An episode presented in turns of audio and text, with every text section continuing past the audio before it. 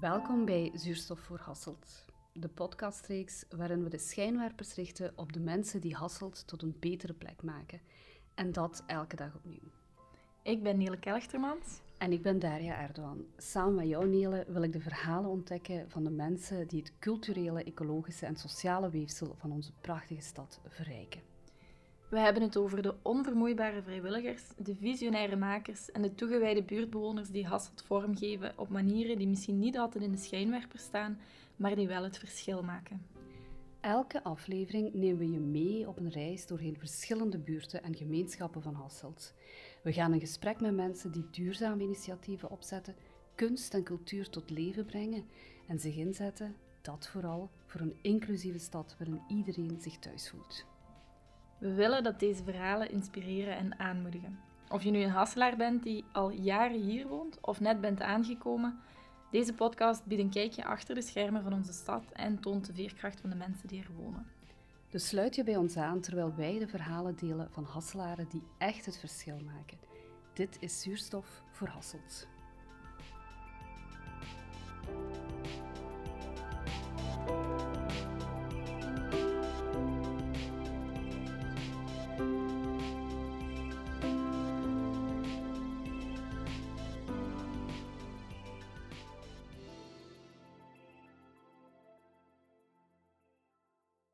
Dag allemaal, Daria hier.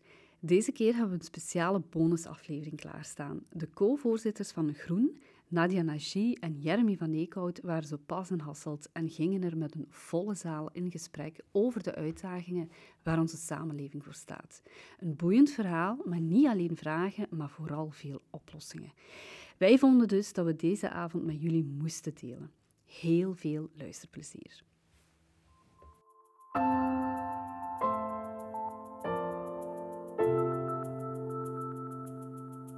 Goedenavond iedereen, uh, zeer fijn om hier te zijn. Dus, uh, de laatste weken ben ik heel regelmatig in Limburg uh, en Nadia ook af en toe.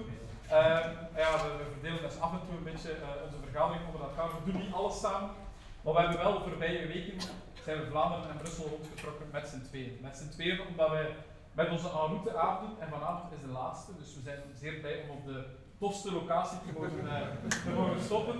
we hebben ook fantastische pasta gegeten trouwens, dank, dank voor de de koks en de catering. Uh, dat was uh, zeer fijn om hier op die manier aan te komen. Maar hebben we Vlaanderen en Brussel rondgetrokken omdat er, waar wij jullie willen praten. Omdat er zeer veel op het spel staat het komende jaar. We staan voor belangrijke maanden. Nog zeven maanden scheiden ons van verkiezingen Vlaams, Europees en federaal. En daarna, nog een paar maanden later, komen de lokale verkiezingen. Dus het is een zeer cruciaal jaar, politiek en maatschappelijk, om richting te geven aan wat er komt. En vandaar dat we het heel belangrijk vonden om nu al dat jaar met jullie af te trappen. Goedenavond allemaal, ik ben uh, Nadia, heel blij om hier te zijn. Uh, alle vorige keren dat ik naar Limburg ben geweest, ben ik altijd heel blij naar huis gegaan. Dus ik hoop dat dat vandaag ook zo is. Ik ga afhangen van de vragenronde hierna. Uh, maar er zijn heel veel dingen waarover we het heel graag met jullie willen hebben. dus we gaan er ook meteen invliegen.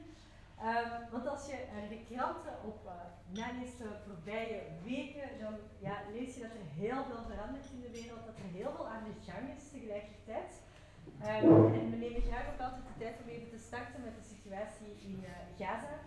Um, want ondertussen ja, zitten we aan tienduizenden slachtoffers, burgerslachtoffers die er vallen. alle menselijkheid, alle redelijkheid is, is compleet verdwenen. En dat doet mij ook een beetje van het hart. Het is de laatste keer dat wij dit doen. Wij zeggen dit al sinds de eerste keer. Dat is nu al tien keer dat wij dit doen. En dat wij moeten starten met Gaza en dat wij elke keer dat het maar blijft erger worden. Dat er maar telkens meer burgerslachtoffers vallen. Um, en dat voelt toch ook heel, heel vies om dit nog eens te moeten zeggen. Maar het is zo, het is vandaag de situatie uh, daar. En in de regering hebben we uh, telkens weer het voortouw genomen om te pleiten voor dat staakt het vuren. Um, België is ondertussen ook internationaal uh, mee een voorbeeld op dat vlak en wordt ook internationaal genoemd net voor die strijd om dat staakt het vuren. En we lossen die strijd ook niet. We gaan die niet lossen de komende weken. Hopelijk is hem snel gedaan, die strijd, maar we blijven die voeren zolang die nodig is. We zien ook op andere gebieden. Um, dat er heel veel aan het veranderen is, dat er heel veel bougeert. Um, op klimaat moeten we het zeker ook over hebben. Um, want we zien dat heel veel Europese leiders tegenwoordig vragen om even wat minder te doen. Om even te pauzeren, wat minder klimaatbeleid uh, te nemen en gewoon te wachten. We zien het ook op vlak van mensenrechten. Uh, je hebt de verkiezingen in Nederland waar extreem rechts heel erg is gewonnen. Je ziet het ook in Italië, waar extreem rechts aan de macht is en meteen ook um, ja, rechten van LGBTQI-plussers afneemt. Dus je voelt daar dat we ook daar op heel wat beweging staan in Europa. En nu staan we op een kruispunt vandaag en daar willen we het met jullie dus over hebben. Want we voelen dat er heel veel in beweging is.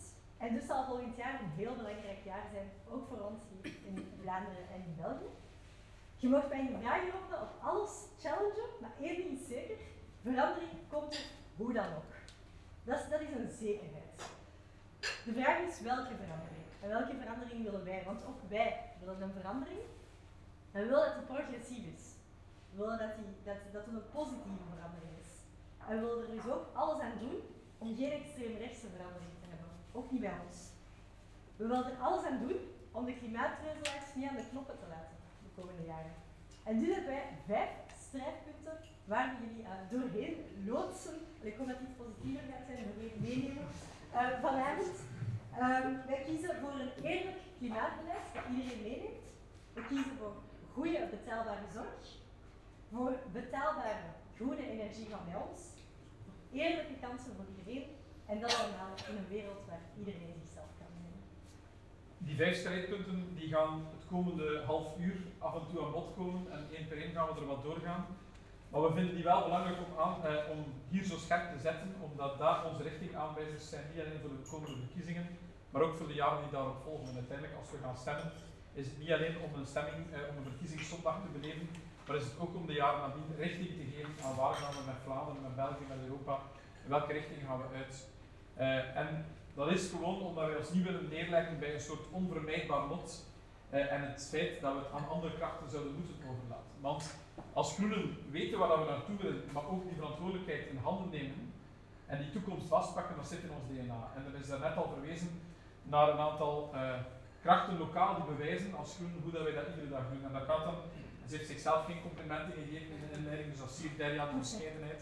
Maar ik zal het nu ook doen en ik zal het ook met hele doen. Als we dat zien hier in Hasselt, is dat, ja, even een applaus, dit is de centrumstad in Vlaanderen waar het langs bestuurd wordt. Hè. Dat in als ik in Hasselt kom dat, dat dat nationaal veel te weinig gezegd wordt, maar dat is wel een strafbilan die hier ook uh, hulde aan iedereen die daar de voorbije decennia aan meegewerkt heeft. Want het is Delia die in Hasselt gezorgd heeft voor haar aanleg en de uitbreiding van negen natuurgebieden en parken. Eh, zie ik hier. Eh, geen allemaal maar negen natuurgebieden te staan. Parken. parken. Nou, natuurgebieden en parken zeg ik. Dus dat is nog uh, maar dus die keuze om echt voor die groene stad van morgen te gaan is echt wel een zeer, zeer doorgedreven keuze. En Nelen, het is dat net al gezegd, waarbij armoedebestrijding echt een absolute prioriteit geworden is in deze stad. En uh, voor het eerst in lange tijd zijn dan ook die cijfers van armoede en kinderarmoede gedaald in uh, Hasselt. En dat is uh, de realiteit van groen beleid en van groene schepen die verantwoordelijkheid nemen. En we zien dat in Hasselt, we zien dat in Alpen, we zien dat binnenkort uh, in Kortestem. Maar we zien dat ook in heel veel andere plekken waar we in meerderheid en in oppositie, in Limburg en daarbuiten, gewoon verantwoordelijkheid nemen. Omdat wij niet aan de zijlijn blijven staan, maar omdat wij tegelijk ook niet ons neerleggen bij gewoon maar een beetje aanmodderen. Wij zijn een partij die het unieke DNA heeft van te zeggen, we weten echt waar we naartoe willen. We hebben zeer ambitieuze doelstellingen. We pakken ook de verantwoordelijkheid om het iedere dag te doen. Het zou makkelijk zijn om te zeggen, we gaan het ooit een keer doen. En dat is wat er moet gebeuren. Nee, als we die kans krijgen, dan grijpen we ook die verantwoordelijkheid. En uh, als we die verantwoordelijkheid grijpen, dan doen we dat op basis van die richting aanwijzers waar ik het daarnet over had. En dat zei het al, ons streeppunt nummer 1, dat is gezonde mensen op een gezonde planeet. Eh, ik heb hier een, uh, voor de tiende keer een zaal voor mij, dus ik probeer altijd in het begin van de, van de oefening even de temperatuur te meten in de zaal. en ik ga klein, ben ook een gyrojongen nog altijd diep van binnen, dus ik probeer nog een gyromethodiekje toe te passen om een klein beetje de sfeer te voelen in de zaal. Het is tot nu toe negen keer goed gelukt, dus het zou tof zijn als er de nodige constructiviteit op de tafel is, maar als het niet lukt, dan is het ook zo. Maar uh, ik ga jullie vragen om zo meteen, als ik afgeteld heb, na 1, 2, 3, één keer te klappen als je het eens bent met de volgende stelling. Als je ooit in je leven je al eens, uh, als je ooit in je leven al eens zorgen hebt gemaakt om het klimaat, klap dan, eh, als ik afgeteld heb, in je hand. 1, 2, 3. Voilà. Iedereen weet nu hoe het werkt. Het zijn er vijf. We doen dat nu meteen opnieuw en je klapt twee keer in je handen. Als je ooit al een keer meeliep in een klimaatactie, het zijn klimaatmars, Sing for the Climate of allerlei andere klimaatacties. 1, 2, 3. Voilà. Eh, een derde keer, klap nu drie keer in je handen. Als je droomt van een stad, een dorp, een, eh, een wereld met minder uitlaatgassen, eh, minder uitlaatgassen, meer gezonde lucht, minder vervuiling. 1, 2, 3. Dus eh, we zijn hier geen Stalinistisch congres. Dus, je mocht ook, eh, je mocht ook, allez, je mocht ook tegenstemmen. Hè, dus dat. Eh, klap nu vier keer in je handen als je vindt dat het eigenlijk wel tijd is dat de grote vervuilers eindelijk de verantwoordelijkheid beginnen te nemen. 1, 2, 3. Voilà, ik zie nog altijd veel enthousiasme in de zaal. We zijn aan de laatste stelling gekomen. Klap nu vijf keer of meer in jullie handen als jullie net als ons vinden dat Groen de beste partij is om die te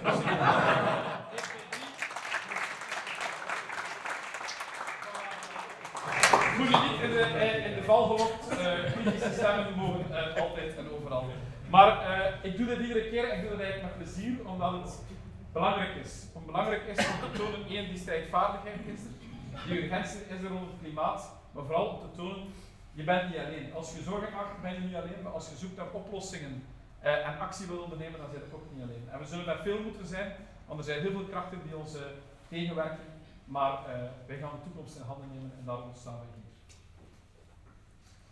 En als het over eh, klimaat hebben, dan wil ik graag starten eh, met het verhaal van eh, Benjamin.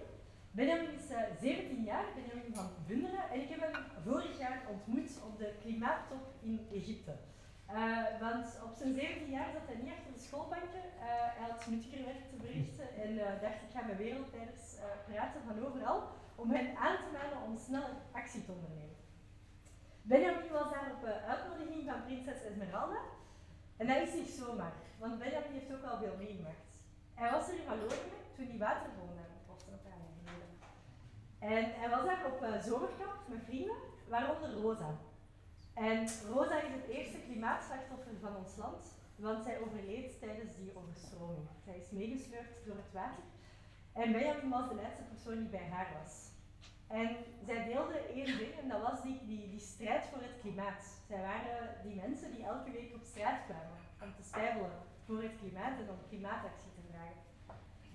En Benjamin die, eh, is gestopt met school daardoor. Hij doet wel eh, zijn examens en zo maar hij gaat niet meer naar school eh, fysiek, omdat het ook gewoon niet meer mogelijk is voor hem. Omdat hij heel wat te verwerken had. En dus ehm, gaat hij nu ook onder eh, Climate Justice for Rosa gaat hij actie voeren. Hij is een documentaire aan het maken. Hij was nu ook eh, weer op de klimaattop, ook dit jaar, om net al die wereldleiders in België en in het buitenland aan te manen voor klimaatactie. En ehm, Benjamin is echt heel strijdvaardig. Ik verschiet daar ook van. Ik heb zijn mama ook eens gezien eh, vorig jaar in de zomer. En zijn mama verschiet er ook van. van. Die heeft zoveel meegemaakt en toch is hij super strijdvaardig. En hij is strijdvaardig omdat hij er ook iets aan kan doen. En omdat hij echt gelooft dat er nog iets mogelijk is, dat we iets kunnen doen. En dat is ook zo. Waar we aan de knoppen zitten, proberen we al alles te doen met alle hefbomen die we hebben om klimaatactie te ondernemen. En ik ben heel graag in Limburg, maar ik wil toch even over Brussel hebben. Ehm, want eh, wij hebben in Brussel met Elke van den Brand de minister van Mobiliteit.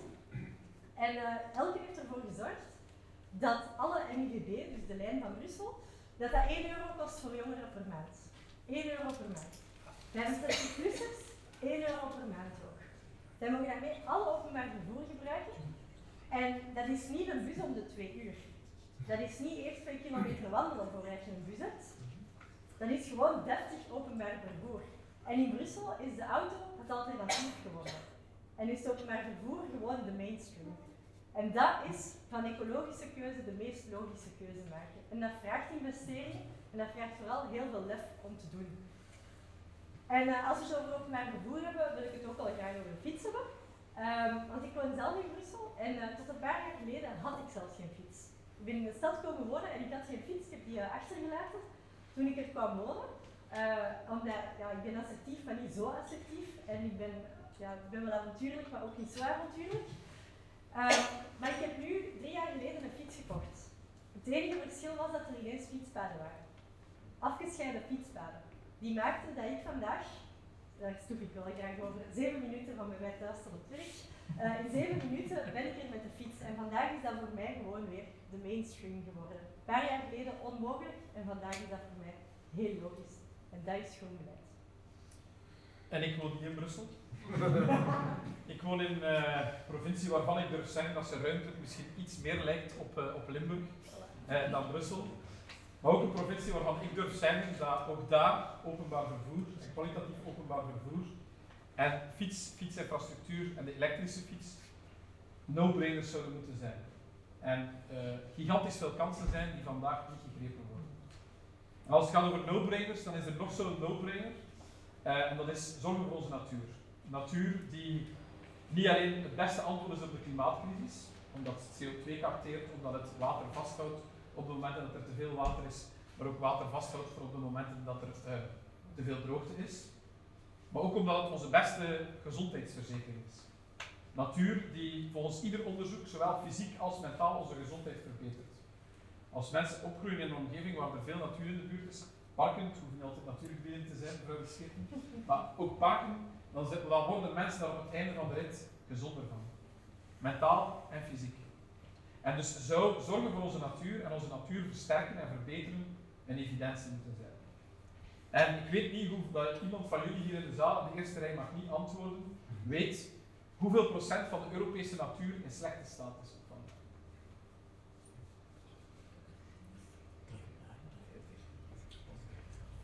En, en, de eerste rij mag straks wel antwoorden, want misschien weten ze. Iemand die een hokje wil wagen? In goede staat? In slechte staat. 60? Dat is te optimistisch. Op vandaag is 80%, 80% van onze natuur is in, uh, in Europa in slechte staat. En hoeveel zou dat zijn in Vlaanderen?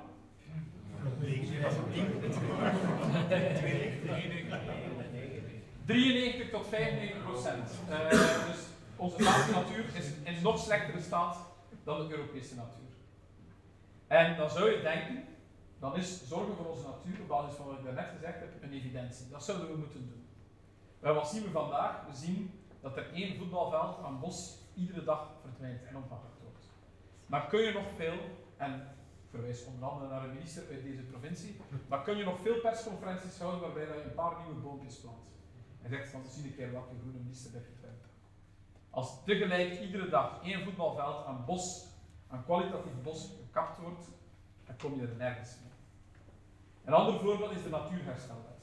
Ik weet niet of sommige mensen dat woord uh, kennen. Het gaat over een deel van de Europese Green Deal, dus de Europese klimaat- en natuurwetgeving. Die zegt van we moeten eigenlijk onze natuur echt gaan versterken, want de biodiversiteitscrisis en de klimaatcrisis eisen Er is een zeer ambitieus pakket samengesteld, maar in het voorjaar van dit jaar zagen we plots minister die zei oh, even op de rem gaan staan, we moeten toch zien wat dit allemaal betekent en Vlaanderen die kunnen dat eigenlijk niet, laten we, dat, laten we die wetgeving uithollen. We moeten ook eerlijk zijn, de premier van onze eigen regering federaal zei, oh, de pauzeknop, het is nu wel goed geweest met al die groene, groene. Uh, we kunnen dat niet doen. Wij hebben die strijd gewonnen.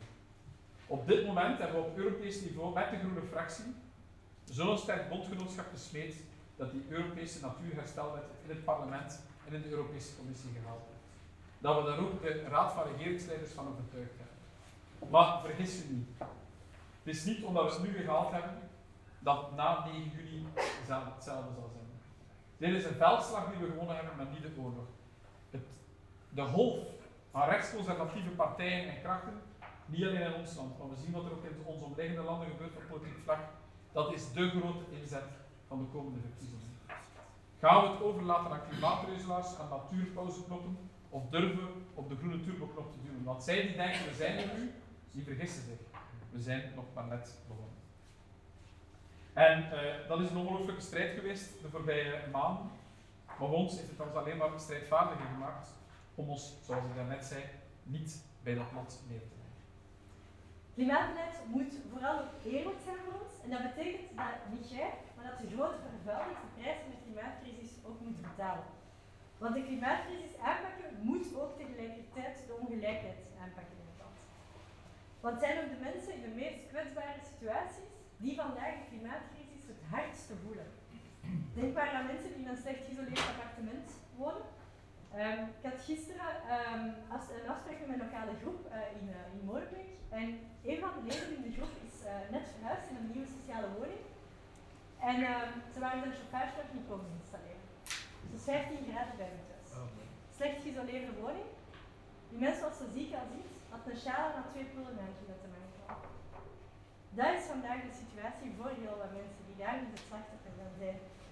Je moet maar in een buurt wonen met de meest vervuilde lucht en je kindjes mee naar school pakken, s ochtends tussen de uitlaatgassen. Dat is vandaag een deel van de situatie en dat is oneerlijk. Eerlijk klimaatbeleid moet iedereen delen en mag niemand achterlaten. Het moet ook de gemakkelijkste en de goedkoopste keuze zijn. Ik heb tot nu die tien keer, uh, het is de laatste keer, ik heb nog nooit zo'n spelletje mogen spelen en nu denk je dat ik dat toch op is. Ik ben benieuwd. Ja, Dat doe ik. ja, ik denk dat ik nog niet meer enthousiast ga zijn. Maar wie is er fan? Je mag gewoon je hand opsteken. Wie is er fan van de NMS?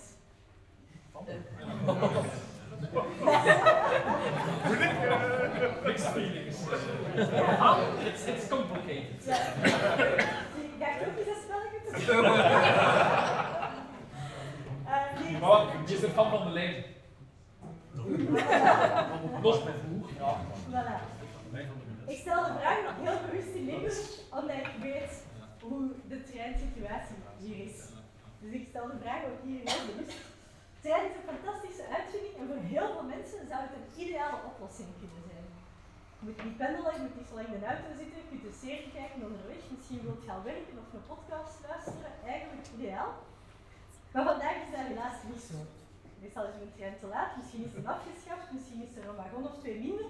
Dat is helaas voor heel veel mensen de situatie vandaag.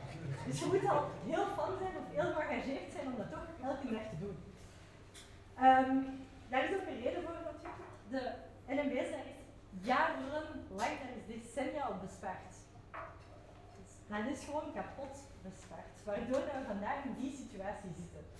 En uh, we hebben daar wel een groene minister op, dus je zou denken, ja maar wat heb ik al die jaren gedaan? Uh, hoe kan dat ik nog altijd van doen? Wel, die minister heeft uh, daar om te beginnen miljarden in geïnvesteerd terug. Dat is één ding. En er is ook een contract met de NMB's. Ook dat was er. Nu zijn er duidelijke afspraken met de NMB's van wat moeten jullie eigenlijk doen, wat zijn jullie doelstellingen, waar moeten er meer treinen komen, etc. Dat is wat er nu gebeurt. Jammer is, en dat is bijzonder jammer voor dat je dat vandaag nog niet ziet. Dat is vooral jammer voor jullie die de trein willen gebruiken. Je ziet dat vandaag nog niet. Want er moet personeel worden aangeworven, er moeten nieuwe treinstellen komen, infrastructuur werken en die worden nu opgestart. En het is de volgende minister die daar eigenlijk alle eer voor zal, uh, zal opstrijken en die wat zal mogen gaan knippen uh, voor treinen die op tijd komen. Ik hoop dat wij gaan zijn, dat zullen we zien, maar de volgende minister voor de NMBS die gaat content zijn.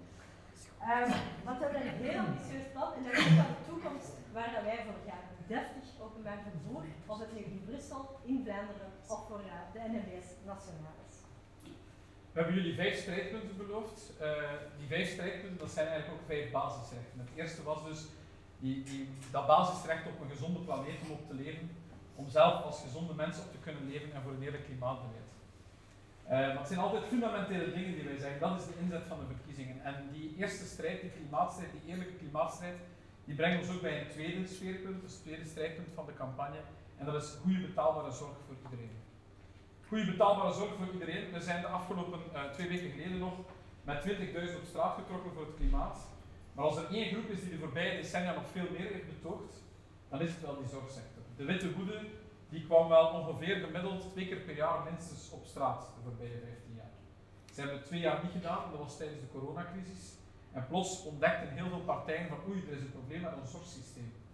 En misschien staan ze niet zo sterk als wij allemaal hadden gedacht.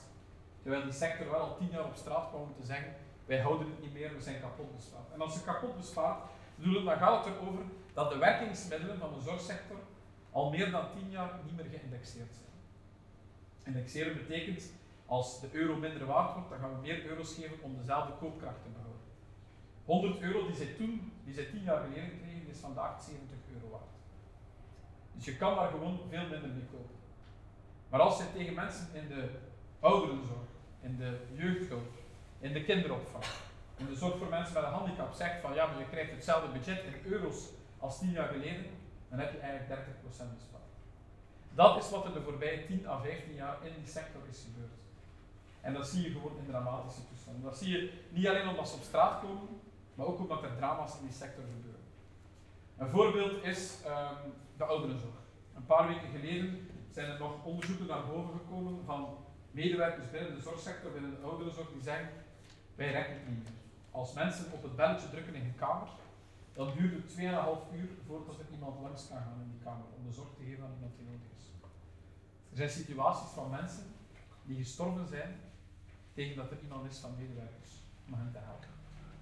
Dat is ons zorgsysteem. Het oudere zorgsysteem in een welvarende regio als Vlaanderen. Als ik jullie vraag van wie zou daar zijn ouders, zijn grootouders of zelf willen terechtkomen op het moment dat het nodig is, dan weet ik nu dat er heel veel super enthousiast staan uh, op tafel te. En vooral duidelijk, dat is niet omdat al die mensen op het terrein niet hun uiterste best doen. Want ook zij zijn super. De sector waar de meest uitstroom is van medewerkers is de ouderenzorg.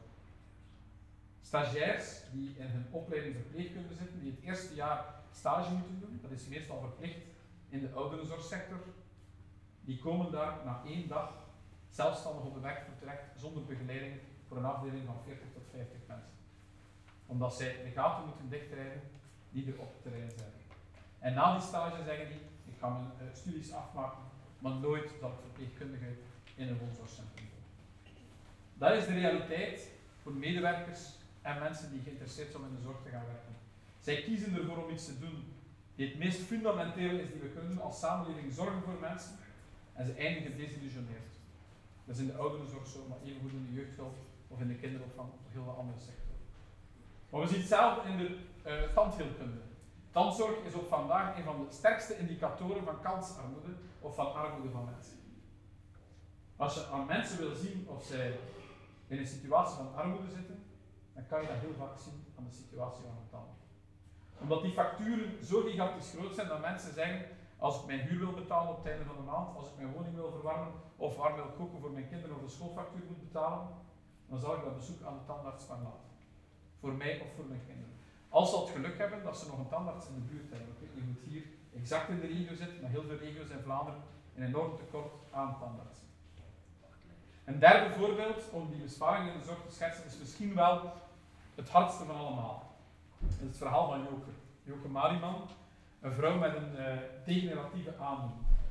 En dat betekent dat haar situatie altijd maar achteruit ging. Ze had een handicap die steeds slechter werd. En wij hebben in Vlaanderen een systeem van inschaling van zorgnoden. En dus je komt uh, via wettelijke uh, decreten die gestemd zijn in het parlement, worden indicatoren bepaald op basis waarvan je je zorgbudget kan laten bepalen. En bij Joko was heel dat proces doorlopen. En er was een, een uh, indicatiestelling geweest, zoals dat kan noemen. En er was bepaald, ja Joke, je hebt recht op een zorgbudget en dat betaalt x euro. Maar wat zei Vlaanderen? Sorry, het gaat niet zo. Je komt op de wachtlijst. Federaal hebben een open envelop als het gaat over sociale zekerheid. Als mensen kanker hebben, dan zeggen we niet, sorry, je bent nummer 101 in de rij, dat is net één te veel om kanker te hebben, uw behandeling zal voor een andere keer zijn. Als het gaat over mensen met een handicap, dan vinden we het, vindt de Vlaamse regering het blijkbaar wel verantwoord om met een gesloten enveloppe te werken en te zeggen, sorry, je hebt er wettelijk recht op, we hebben zelf dat decreet in het parlement gestemd, maar het budget is het niet, we gaan het gewoon niet doen. Wacht nog even. Maar de harde, keiharde menselijke realiteit is dat mensen als Joke, Joke zelf, de meest fundamentele beslissing genomen heeft die iemand kan nemen. En dat is dat Joke Mariman dit najaar euthanasie heeft gevraagd aan de artsen om te zeggen, ik kan gewoon zo niet leven. Ik krijg niet de zorg die ik nodig heb om kwalitatief te leven, dus ik wil het leven starten. En Joke is er niet meer. Joke heeft door het fundamentele falen van ons zorgsysteem in Vlaanderen beslist, zo kan ik niet leven. En dan zou je nog kunnen denken, ja, misschien is Joke een, uitzondering. Een soort faling van het systeem. Op vandaag staan er 17.000 mensen, 17.000 mensen op een wachtlijst voor een zorgbudget van het budget personen met een handicap. 17.000 mensen die niet krijgen niet waar ze ooit van dromen of waar ze vinden dat ze recht op hebben, maar waar ze wettelijk recht op hebben. waar ze voor naar de rechtbank kunnen gaan en zeggen, ik krijg niet waar ik recht op heb, en waar een rechter zegt, inderdaad, u heeft gelijk, u moet dat krijgen. En waar de Vlaamse regering nog altijd van zegt, u krijgt het niet. Dat is het fundamentele falen van de zorgsector. En dat is waarom wij vinden dat goede betaalbare zorg een absolute prioriteit moet zijn. En dat dat ook onze strijd. Goede betaalbare zorg is voor ons een basisrecht. Dat is iets waar je recht op hebt. En zorgen voor mensen is een keuze die je kan maken en die wij ook willen maken. En we doen het ook al in de federale regering, hè, waar we mee aan de knoppen zitten. Uh, en dan moeten we het dus ook even hebben over mentaal welzijn. Want daar zijn een paar dingen die wij al kunnen doen, federaal, en die we doen. Um, Petra de Sutter is onze vicepremier en zij strijdt tegen burn-outs op het werk. Zij zorgt ervoor dat het werk werkbaarder is ambtenaren uh, vandaag. Door bijvoorbeeld ook flexibeler werkweken mogelijk te, laten, te maken, maar ook extra begeleiding naar een burn-out, etc. Dat zijn dingen die we daar al doen. we hebben er ook voor gezorgd dat naar een psycholoog gaan 11 euro kost. En het gevolg daarvan is dat 10 keer zoveel mensen naar een psycholoog gaan. Dat is het gevolg vandaag op het terrein.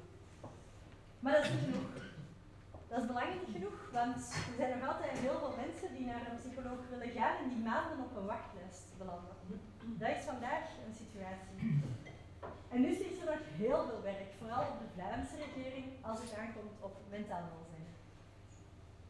Maar we zien vandaag weer dat traditionele partijen die ruimte die daar ligt, die marge die daar ligt, weigeren te benutten. En dat is een groot probleem. En voor ons is dus de vraag, blijven we in dat doodlopende straatje van besparen ten koste van mensenlevens? Of gaan we de samenleving eindelijk richting beter sturen? En voor ons is het heel duidelijk, op de gezondheid van mensen bespaart je niets.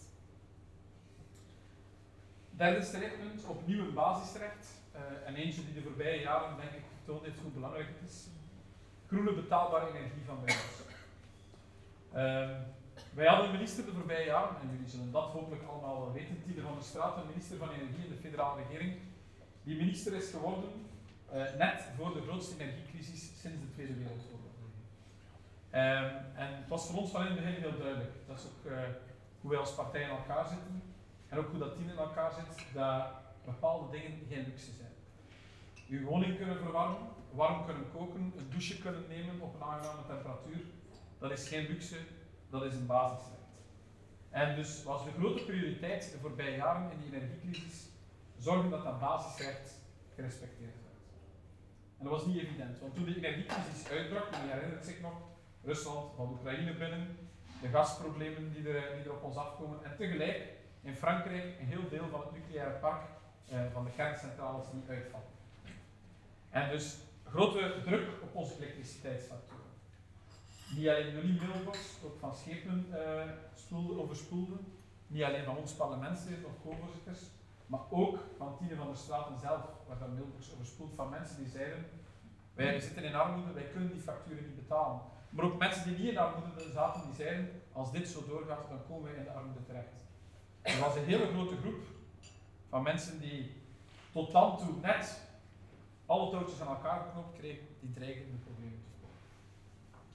en dan heeft Tine gehandeld. Tine heeft zeer gerecht gefocust op hoe zorgen we dat iedereen door die energiecrisis raakt.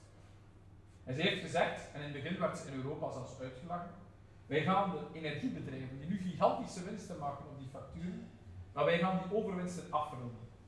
Het is ongepast dat in zo'n crisis grote megabedrijven dat die winsten boeken op de kap van mensen die het vandaag moeilijk hebben. En na een aantal maanden op Europees niveau, eh, na een aantal maanden strijd op Europees niveau, zijn we daarin geslaagd. En niet uit jaloezie op die energiebedrijven, maar wel omdat geld die daar afgerond werd, om dat te, gebruiken om mensen hun energiefactuur te verlichten. En er is een sociaal energietarief gekomen die uitgebreid werd, waar 2 miljoen Belgen, één gezin op 5 in België, gebruik heeft kunnen van maken. Eindresultaat? Als de OESO vandaag terugkijkt naar de energiecrisis, dan stellen zij vast, het land waarin de koopkracht van mensen tijdens de energiecrisis het best is bewaard en bewaakt, is België. In heel Europa.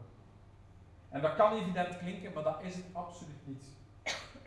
Maar wat heeft Tine ook gedaan? En dat is natuurlijk het unieke aan Groenen, ik heb het daarnet al gezegd, we weten ook wat we op lange termijn naartoe willen. En Tine heeft ook gezegd van ja, laat ons niet vergissen, van in die crisis nu gewoon bezig zijn met het beheren van de portemonnee van mensen, maar laten we ook op lange termijn denken. Wat is de beste garantie op betaalbare facturen op lange termijn? Die ook nog een keer tegelijk het klimaatantwoord zijn. En dat is die hernieuwbare energie.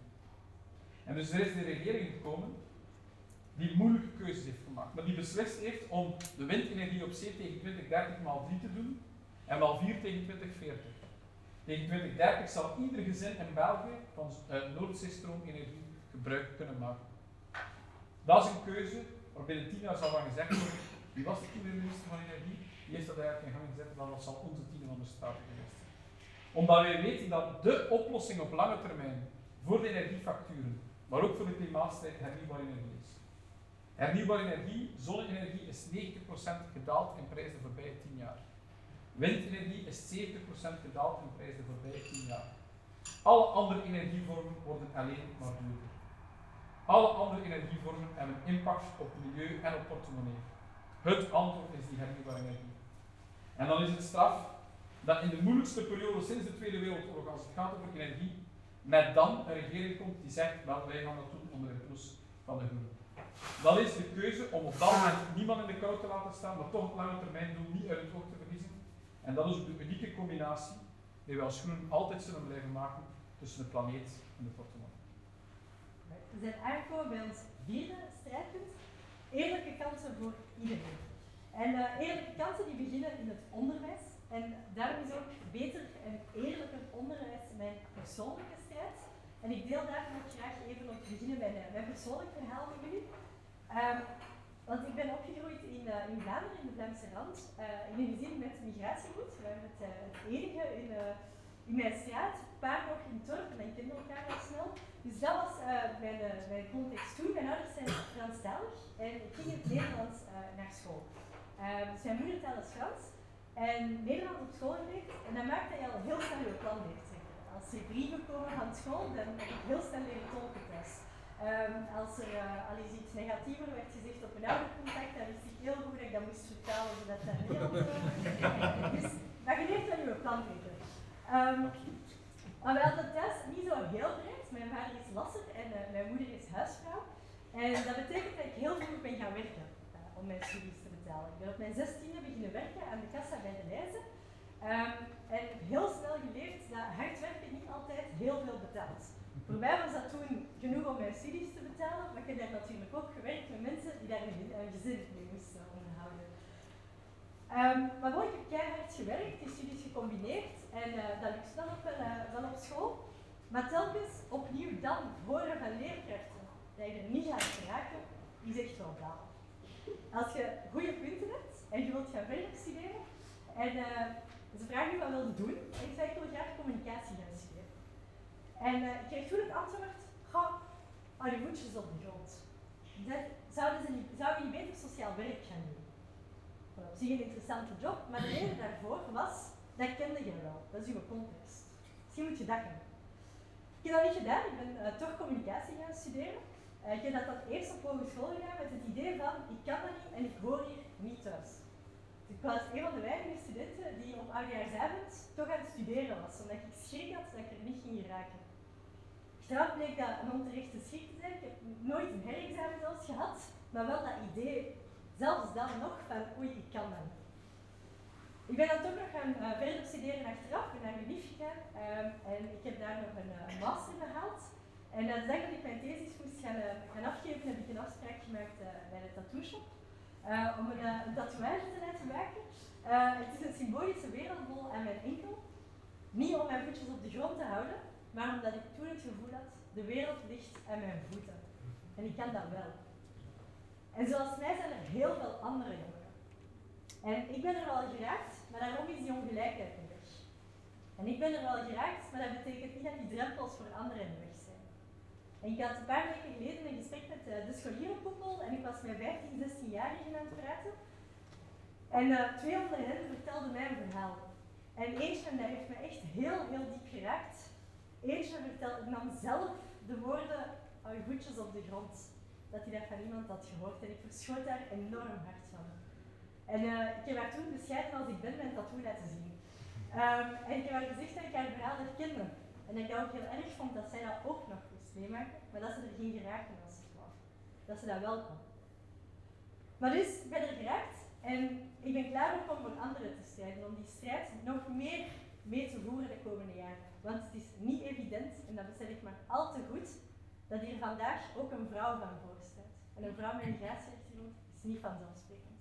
En die strijd ben ik klaar om die te voeren.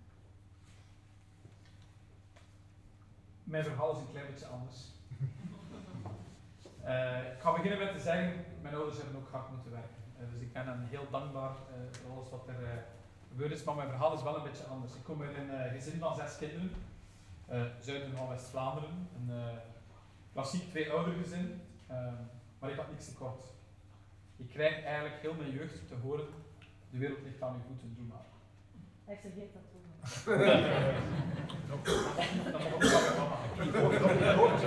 Nog niet. Nog niet, voilà. Ga, ga je geen beloftes doen? Wanneer moet je meestal? Ik denk dat ik al ergens een dat ik het logo van groen laat dat 10 Dat is een bepaald percentage. Oké! Kan je zeggen Zwat, mijn verhaal. Ik eh, kom uit een gezin van zes kinderen en ik had niets tekort. Dus um, er stond altijd een warme maaltijd op tafel. Als ik thuis kwam, had ik rust eh, en, en plek om te studeren. Mijn broodtos zat vol. Als ik een probleem had, dan kon ik ergens naartoe. Uh, op school zeiden ze, doe maar, en gaat maar naar de universiteit, komt allemaal wel goed. Uh, alle hobby's die je daarnaast nog kunt pakken, pak ze maar. Um, dus ik, ik heb niet te klagen. En uh, voor alle duidelijkheid, um, hier staat, ik ben daar niet beschaamd over. Mijn ouders hebben daar hard voor gewerkt en ik durf te zeggen dat ik toch ook hard gewerkt heb tijdens mijn studies en zo om er te komen. Maar er zijn wel andere dingen die ook meegespeeld hebben. En dat is dat ik een man ben, dat is dat ik wit ben, dat is dat ik uit een klassiek twee-oudergezin kom. En ik ben er vooral duidelijk niet beschaamd over. Hier staat een vierde witte man uit een klassiek twee-oudergezin. Dus uh, daar is ook geen reden om beschaamd over te zijn, dat is wie ik ben. Maar het is wel niet oké dat dat in het leven ook zoveel bepaalt.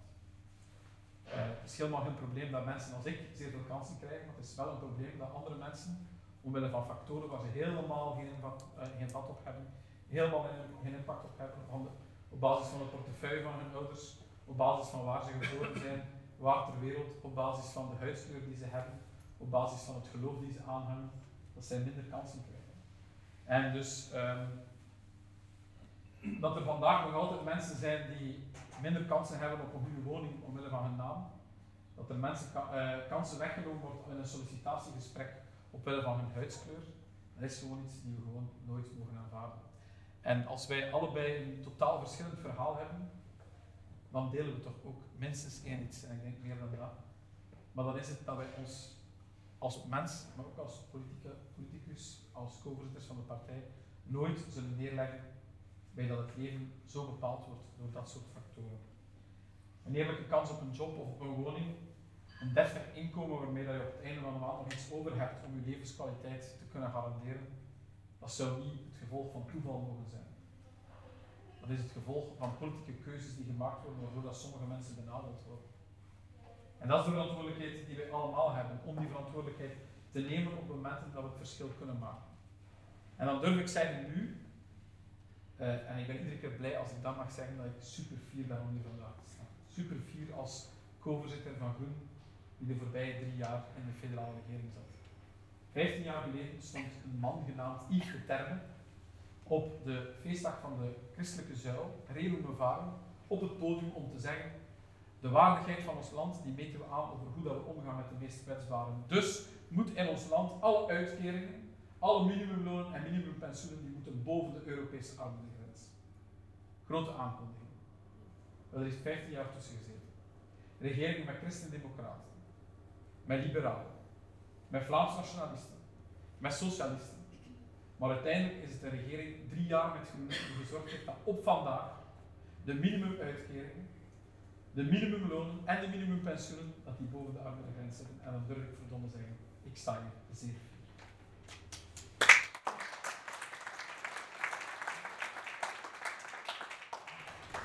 Als het aan ons ligt, uh, dan gaan de extreemrijken ook eerlijk bijdragen. Je hebt me niet verkeerd, één even uh, goed duidelijk maken. Het is oké om goede verdienen. Meer nog, iedereen mag dat. Ik gun het ook echt iedereen. Maar het is niet eerlijk dat er vandaag meer belastingen worden betaald op inkomen uit werk dan op vermogen. Het is ook niet eerlijk dat de rijkste 10% van ons land bijna 60% van alle rijkdom bezitten. En het is ook niet eerlijk dat duizend van de rijkste Belgen opduiken in loesje belastingsconstructies, terwijl de anderen wakker moeten liggen van hun rekeningen op einde van. Wij willen dus dat die extreem rijken ook gewoon hun deel doen. That's it. En als die hun deel doen, dan gaan ze daarvan ook geen boterham minder eten. Maar het is wel de boterham verschil voor mensen vandaag in armoede. Dat betekent voor hen die boterham in de broodroos van hun kinderen. En zo zorgen we ervoor dat niemand ook achterblijft. En zo zorgen wij ook voor een eerlijke en rechtvaardige samenleving. We zijn er bijna, we zijn aan ons laatste strijdpunt, de vrijheid om te zijn wie je bent. Uh, we hebben dat als strijdpunt meegenomen, uh, ook al kunnen wij het ons niet altijd voorstellen. Maar er zijn mensen die niet welkom zijn. Een café op de hoek, omdat ze transgender zijn. Er zijn mensen die niet welkom zijn bij de bakker, omdat ze samen zijn met iemand van hetzelfde geslacht. In Polen, Hongarije is dat vandaag de situatie. Vandaag al. Ik weet niet wie van jullie Heartstopper heeft gezien op Netflix, een tienerserie. Uh, er is ook een boek van. Um, een heel goede serie, als je zo'n denk de kerstvakantie niks te doen hebt, je zet daar direct door. Uh, heel goede serie. En dat gaat over twee mensen die verliefd worden op elkaar. Uh, twee jongeren. Um, het enige probleem volgens Hongarije is dat er twee jongens zijn die op elkaar verliefd worden. En een boekenwinkel heeft dus 32.000 euro boete moeten betalen, omdat het boek in een winkel lag, op de afdeling waar het hoort, bij de tienerboeken. Uh, en dat was een probleem. En dus 32.000 euro boete. In Italië worden meermoeders van geboorteactes geschrapt vandaag. LGBTQ moeders mogen hun kinderen niet zomaar afhalen op school, mogen ze niet zomaar gaan bezoeken in ziekenhuizen. Vandaag de situatie in Italië. In Italië gaan ze terug naar de jaren 40 van de vorige. Het is niet alleen in Italië dat bepaalde rechten die misschien tien jaar geleden stil aan een evidentie aan het worden waren, teruggeschroefd worden. We zien bij onze noorderburen dat er dreigt iemand uh, minister-president te worden van Nederland, die een paar jaar geleden luid minder, minder, minder uh, zat te roepen. We zien dat in de Verenigde Staten abortusrechten worden teruggeschroefd. We zien dat uh, mensen worden neergeschoten omdat ze niet wit zijn. In de hele wereld drukt extreem rechts op. En we hebben ook vandaag weer gezien welke gevaren dat allemaal in zich houdt. Niet alleen racisme, niet alleen discriminatie, maar ook bijvoorbeeld sympathie, blijkbaar zo sterk voelen voor dictatoriale regimes als China om daarmee te gaan heuren en spionagetechnieken te gaan toepassen. Dingen die tien jaar geleden misschien ondenkbaar waren en waarvan we misschien allemaal hoopten, zeker als progressieven, van we zijn stappen in de goede richting aan het zetten, die worden vandaag opnieuw in vraag gesteld. Die worden gewoon teruggeschroefd. En moeten durven zeggen, ja, sorry, af en toe, ook als ik naar mijn drie dochters kijk, doet het mij denken aan de jaren 40 van de vorige eeuw de jaren 30 van de vorige eeuw. En dan stel ik mij de vraag, en dat is op mijn sombere dagen, was het wel zo'n goed idee om jullie op de wereld te zetten? Wat komt er de komende tijd op ons af? Maar dat is net waar we ons niet mogen bij neerleggen. Ook niet in eigen land. Ook niet in eigen land, waar we zien dat regenboogvlaggen worden afgescheurd, bestempeld als spegelvlaggen, waarbij dat transpersonen worden uitgemaakt op straat en aangevallen op straat, ook fysiek. Waarbij dat we zien dat racisme online en offline, uh, in, in straten, op voetbalpleinen, uh, allemaal makkelijker en makkelijker bespreekbaar wordt, aanvaardbaar wordt blijkbaar bij sommigen. En we zien helaas dat dat zich niet alleen beperkt tot extreem rechts. Maar dat steeds meer partijen onder druk van peilingen, onder druk van politieke strijd, nodig vinden om rond zich heen te stampen. Om vijandenbeelden te zoeken, om naar beneden te staan. En als het gaat over naar beneden stappen, onthoud altijd één ding. Als je stapt naar beneden en je begint bij mensen op de vlucht, mensen met een andere huidskleur, huismoeders die maar moeten gaan werken, langdurig zieken die moeten stoppen met ziek zijn en gewoon gaan werken zoals iedereen moet doen. Mensen op de vlucht. Als je stapt naar beneden, op een bepaalde dag sta je zelf beneden. Mensenrechten, grondrechten, basisrechten, die zijn er ofwel voor iedereen, ofwel voor niemand. Daar is er eigenlijk geen compromis op nodig. En ook in een stad waar we goed samenwerken met onze progressieve bondgenoten, wil ik hier ook zeggen. Dat het voor andere progressieve partijen de voorbije maanden niet evident was om zich zeer helder uit te spreken op bepaalde dingen, dat Sattemans zo lang vergoeilijkt dat voorzitters ontslag moeten nemen, niet omdat ze geschandaliseerd zijn door de inhoud van de uitspraken, maar omdat de positie communicatief onhoudbaar wordt, dan hebben we een issue. En daar moeten we ons gewoon als progressieven heel helder over uitspreken. Niet uit een soort kwaadheid, maar vooral uit een soort ontgoocheling en strijdlust om elkaar terug te vinden en samen die progressieve strijd wel weer op te nemen. Want wij zullen altijd weigeren mee te gaan in dat soort rechtspraat. Wij zullen altijd consequent ons daartegen verzetten, omdat wij altijd, al 40, 40 jaar lang, die strijd voeren voor meer vrijheid, voor meer gelijke rechten, voor gelijke kansen voor iedereen, tegen discriminatie, tegen racisme. Omdat het voor ons niet afhangt van wie je bent, hoe je eruit ziet, wie dat je graag ziet, voor welke gruwelen ergens in de wereld uh, je op de vlucht bent, welke mensenrechten je hebt, welke basisrechten je hebt. Dan mag daar gewoon niet van afhangen. En dat is, zoals ik daarnet al zei, geen enkel compromis op mogelijk. Als we daar beginnen, dan bestaan we niet. Dan hebben we geen reden van bestaan meer. Wij niet als partij, maar ook de samenleving niet meer. Mensenrechten, die zullen er altijd moeten zijn voor iedereen. Voilà, dat is het. Vijf tijdens strijdpunten. Uh, vijf serieuze uitdagingen voor ons uh, de komende jaren. Maar het zijn ook vijf kansen. Uh, vijf kansen om tegelijkertijd te vechten voor planeet, voor welzijn en voor een eerlijke samenleving. Het zijn ook gewoon vijf redenen om samen met ons keihard campagne te voeren. Moest je nog geen redenen genoeg hebben om buiten te komen, geven wij er nog. En ik start er uh, daar straks al mee. Verandering komt er, hoe dan ook, dat is zeker. De vraag is, welk soort verandering gaan we kiezen? Gaan we blijven toestaan dat klimaattreuzelaars de grote vervuilders hun gang laten gaan, terwijl het de meest kwetsbaren en de prijs kan betalen? Gaan we blijven toestaan dat mensen maanden moeten wachten op zorg of die zorg niet kunnen betalen? Gaan we blijven toestaan dat mensen keihard werken en op tijd van de maand toch schrik hebben voor die factuur? Of gaan we voor beter en kies je net als ons voor eerlijk klimaatbeleid, voor betaalbare groene energie van bij ons, voor goede betaalbare zorg voor iedereen, eerlijke kansen voor iedereen, in een wereld waar iedereen. We weten waar dat wij voor kiezen, ik heb een vermoeden waar dat jullie voor kiezen, maar de vraag is, gaat je mee met onze strijd aan het komende jaar? Want het zal nodig zijn. Gaat je mee in gesprek online, offline en keukentafels en deuren? Uh, gaat je mee naar debatten, supporteren voor onze kandidaten? Want er komen twee pittige verkiezingsperiodes aan in 2024. Eén uh, voor één gaan we mensen moeten overtuigen van ons verhaal. En dat gaat heel veel samenwerking vragen, ook heel veel duidelijkheid en uh, strijdvaardigheid. Het gaat ook vooral heel, heel plezant worden. Laten we niet vergeten, campagne voeren is ook gewoon niet leuk. Toen wij uh, anderhalf jaar geleden gestart zijn als co-voorzitters, eigenlijk nog de periode ervoor, toen we als kandidaat hebben gesteld, hebben wij zeer veel uren gesproken met elkaar over hoe zien wij de samenleving, hoe zien wij de partij en uh, wat denken we van ons engagement nu. En toen wisten wij van dit wordt een uphill battle.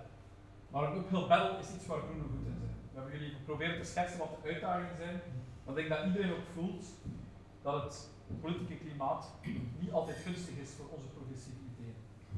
Maar ik denk dat iedereen ook tegelijk voelt hoe nodig het is dat er mensen zijn die de rug rechten, dat er partijen zijn die de rug rechten en zeggen, hier staan wij voor. Dit zijn onze strijdpunten, dit zijn de basisrechten waar wij iedere dag voor gaan. En wij gaan daar geen compromissen op sluiten. Wij gaan blijven zeggen waar wij voor gaan. Ook in tijden dat er heel veel andere krachten zijn die plooien voor extreem rechts, die mee in die richting gaan, zowel als het gaat over klimaat als over andere basisrechten waar het vandaag over gaat. En dat is de keuze die wij gemaakt hebben. We hebben elkaar diep in de ogen gekeken en gezegd van, nu is het moment dat we bij de recht staan. Nu is het moment dat we die verantwoordelijkheid moeten nemen. En als we de voorbije zeven weken, acht weken op tour zijn door Vlaanderen, dan is het om jullie allemaal diep in de ogen te kijken. We hebben dat gedaan twee maanden geleden, laten we eerlijk zijn, toen dat we onze slechtste peiling ooit hadden. Vandaag hebben we onze beste peiling in drie jaar gehad. En peilingen zijn super relatief. Maar ze tonen dat de strijd nooit geleverd is. Of dat het nu slecht gaat in de peilingen of goed gaat in de peilingen. Er zal altijd een zeer strijdbare, zelfbewuste, complexloze groene kracht nodig zijn om te durven zeggen, die vijf strijdpunten, daar blijven wij voor gaan. Dus vandaag staan we hier om jullie allemaal diep in de ogen te kijken. En jullie te doen nadenken van, wil ik op 10 juni wakker worden? En zeggen, had ik maar dit of dat gedaan en oei, wat is er nu gebeurd? Of wil ik meer recht staan nu en zeggen, we gaan allemaal samen die strijd aan. Want twee co-voorzitters alleen, die gaan het nooit redden. Wij kunnen die strijd niet alleen aan. Wij moeten dat met een hele beweging, een hele partij doen. Omdat het nodig is. Niet voor onszelf, maar omdat we de toekomst van onze samenleving mee in handen willen nemen. Dus als we hier vandaag staan, en daarmee stel ik af, is dat met één heel grote oproep. Lieve vrienden, engageer u. Het is nu het moment om recht te staan en het zal verdorie nodig zijn. Dus merci.